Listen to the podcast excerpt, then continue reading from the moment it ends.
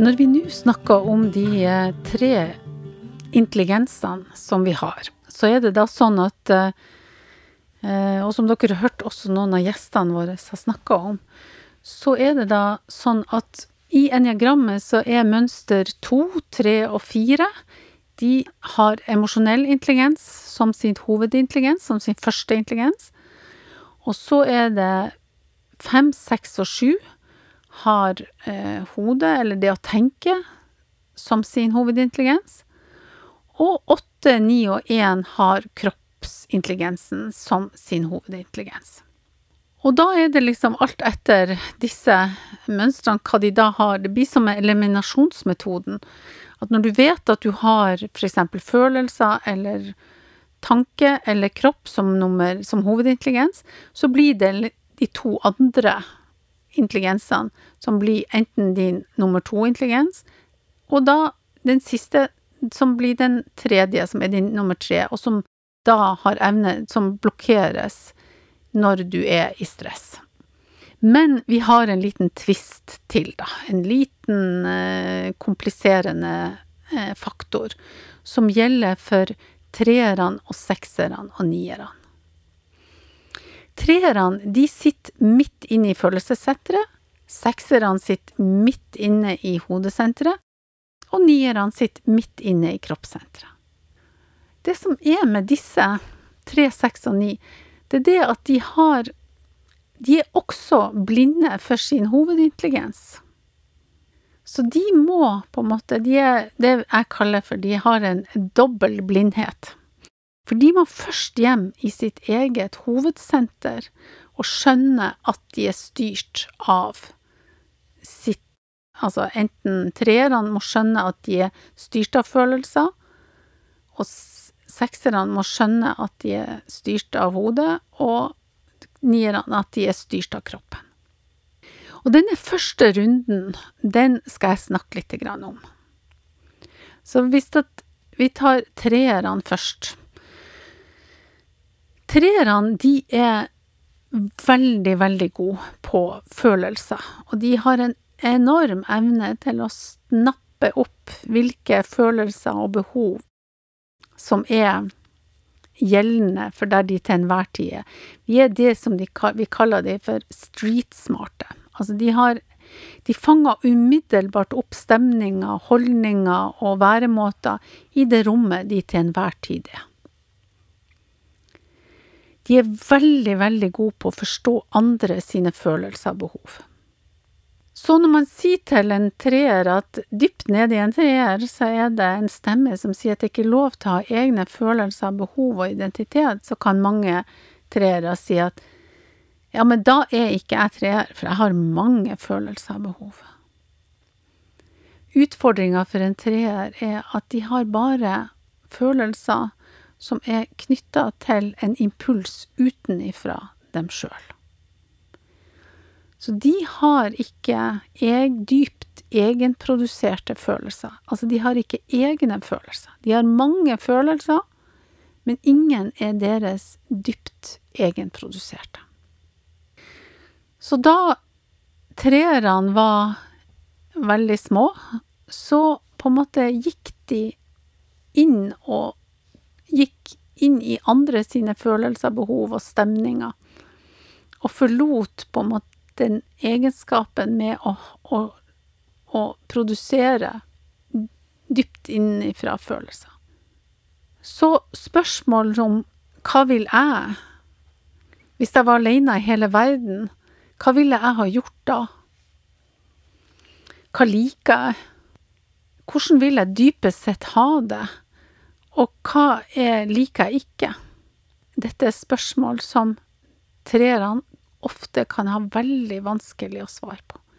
De kan nok sikkert si hva de liker, og hva de vil, men hvis du går litt etter i sømmene, så tenker de at jo, men jeg vil jo dette fordi at det har jeg hørt, eller jeg har sett den og den reklamen, eller det var noen jeg snakka med for 14 dager siden som nevnte det, eller Altså, det er et de, de følelsene og behovene som de har, er som en resultat av en, en impuls utenifra. Og treerne er veldig, veldig opptatt Når du spør hva, spør hva treerne Ja, hvem er du?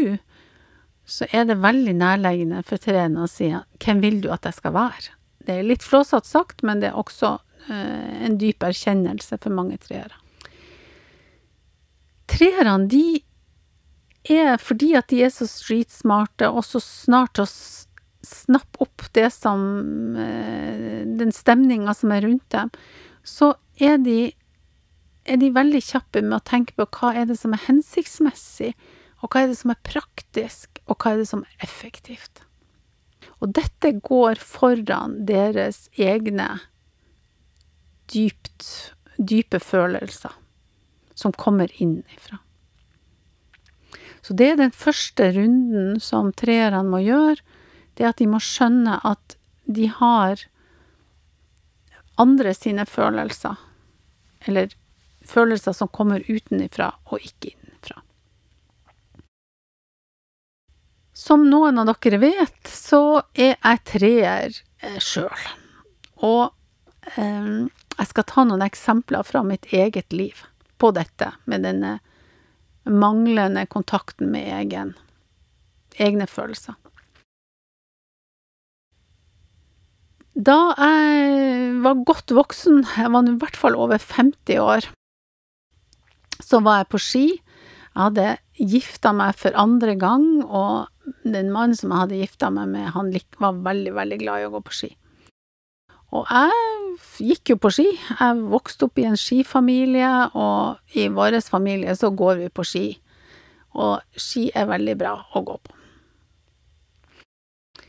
Og så kunne jeg på en måte oppleve at, um, at når jeg kom sammen med en som var så veldig glad i å gå på ski, og en som pleide å ta, hel, ta flere dager fri fra jobben på vinteren for å skulle gå sånne lange overnattingsturer på ski, så skjønte jeg jo det veldig fort at selvsagt var han mye mer glad i å gå på ski enn jeg gjorde.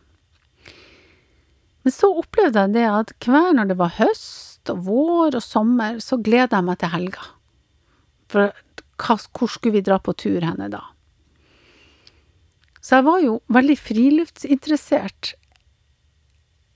gjennom hele året, men når vinteren kom, så tenkte jeg slettes ikke på hvor jeg skulle gå på ski igjen. Men jeg tenkte heller ikke på at um, Jeg tenkte jo at det var um, At det måtte jeg jo. Jeg måtte jo like å gå på ski. Det var jo ikke noe, det var ikke noe alternativ, det. Eller det var jo ikke noe Jeg måtte jo gå på tur, på en måte, fordi at han var glad i å gå på ski, og jeg hadde gått på ski hele. Så en vakker dag vi gikk på ski så tok jeg meg sjøl i å tenke at jeg hadde mest lyst til å være på Kaffebrenneriet, og ikke i skogen med masse snø på trærne. Jeg frøys, og jeg syntes det var kjedelig. Akkurat da så bare legger jeg skistavene ned, og så sier jeg høyt, nå har jeg prøvd å like å gå på ski i 45 år. Jeg liker ikke å gå på ski. Og fra den dagen så har ikke jeg gått på ski. Eh, jeg skal ikke utelukke at jeg ikke kan like å gå på ski seinere, men akkurat nå så liker jeg ikke å gå på ski. Men det at det skulle gå så skrekkelig mange år, altså overhodet ikke vurdere at man ikke liker å gå på ski, det er jo ganske godt eksempel på at man eh, går jo selvsagt på tur på ski, hvis, er, hvis man er vokst opp i en sånn familie, eller at det er muligheter for det. Så har jeg jo også på andre ting skjønt at jeg For eksempel så har jeg tenkt at det er litt pussig at jeg har alltid Jeg har jo arva en del ting. Og så tenker jeg, jeg har tenkt at jeg har aldri stilt meg spørsmålet om jeg likte det jeg arva. Fordi at arv er jo arv. Altså, arv er jo noe man skal på en måte overta. Det er jo noe man skal ha, noe man får, ikke sant. Og noe man skal føre videre til andre generasjoner. Så det at jeg plutselig en dag begynte å tenke at ja, men det gikk jo an å arve ting som jeg også likte, og ikke bare motta arven. Bare sånn si at ja, men det det, den glasskrukka eller den stolen eller det eller det, det, det har jeg arva, så det skal jeg ha. Jeg vet at for veldig mange mennesker så høres dette veldig merkelig ut, men vi treere, vi, eh, vi tenker mest hva er det som er hensiktsmessig, praktisk, effektivt, og at vi heller ikke kan skuffe noen med å si at vi ikke vil ha, eller vi ikke syns det. Dette har jo også gjort seg veldig gjeldende på andre områder i livet mitt, der jeg ser gjennom mange år i yrkeslivet og jobblivet, så jeg har hatt mange samarbeidsforhold som jeg har mista masse energi av. Men det var jo aldri snakk om at eh, jeg kunne liksom tenke at jeg ikke trengte å være i det samarbeidsforholdet. Fordi at samarbeidsforholdene er jo som regel både hensiktsmessige, praktiske og effektive. Men det å skjønne at det å miste energi er at kroppen At man sier at ja, men kanskje akkurat dette samarbeidsprosjektet trenger du kanskje ikke å være med i. Kanskje du skal gjøre noen ting som du har Som du får energi av, og ikke som du mister energi av. Det finnes mange eksempler på det å være treer, men denne typen eh, blindhet, altså det at treerne må hjem i sitt eget følelsessenter, og så må de begynne å rydde med av alle de følelsene jeg har. Hvor mange av dette er det som er en følelse fordi at jeg har fått en impuls utenifra. Og hvor mange av disse følelsene og behovene har jeg av at det kommer dypt innenfra. Og da er det sånn at det ofte kan være litt tøft for treeren til å begynne med, fordi at det viser seg at det er ikke mange. Men de kommer fort når man begynner å jobbe med dem. Det er det gode håpet i dem. Så var det sekserne. Sekserne de sitter midt i hodesenteret. Og de beskriver jo at de har veldig mye tankekjør. Og Thomas, eh, som vi hadde med i eh, sesong én av podkasten, beskriver jo dette veldig godt, hvor mye tankekjør han hadde. Det som er med sekserne, det er det at halvparten av det tankekjøret de har, er rasjonelt, er veldig lurt. Altså, de har sin gave, og de er veldig gode på å analysere seg frem til mange bra ting som de bidrar i verden med. Men halvparten av det tankekjøret som sekserne har, er rent irrasjonelt tankespinn. Jeg har spurt noen eh, seksere om de kan prøve å gi meg noen eksempler på hvordan dette kan beskrives. Fordi at sekserne, de må, de må først hjem i hodet. Altså de må først inn, tilbake i hodet, i tankespinnet sitt, i tankekjøret sitt. Og så må de sortere hva som er eh, rasjonelt, og hva som er irrasjonelt. Så et par eksempler her, da. En sekser sier at vedkommende torde ikke å gå på tur i skogen fordi at den var redd for å treffe på en bjørn. Det var bare det at i den skogen som vedkommende skulle gå i, der fantes det ikke bjørn. Det, det, var, det, det var umulig at det kunne komme noen bjørn der. Men enn om det kunne komme en bjørn der? Enn om det kunne komme en streifbjørn? En sekser sier jeg har lekt med tanken om å feste en fallalarm på ungene, altså la ei smartklokke på dem, til når de skal være alene hjem etter skolen. Ja, det er, jo, eh, det er jo først om fem år, men det er fordi at jeg er så redd for at de skal falle ned gjennom trappa. denne sekseren her skjønner at dette er helt sykt. Altså, det går man kan, ikke, man kan ikke leve sånn. Men det er en veldig scenario i hodet. Så er det, sier samme sekseren, at hver gang hun skal, med, hun skal ut og reise, så har hun innmari lyst til å google flyselskapet som hun skal reise med. Og da er det jo ofte sånn utenlandsreiser, da, sant. Fordi at hun vil sjekke, og, og tror at hun kan finne ut hvor trygge flyselskapene er. Det er jo bare det at, at dette er jo helt umulig. Altså, det jo Det skjønner jo hun også, da. At du får jo ikke Du kan ikke google deg frem til å sjekke om hvor trygt et flyselskap er.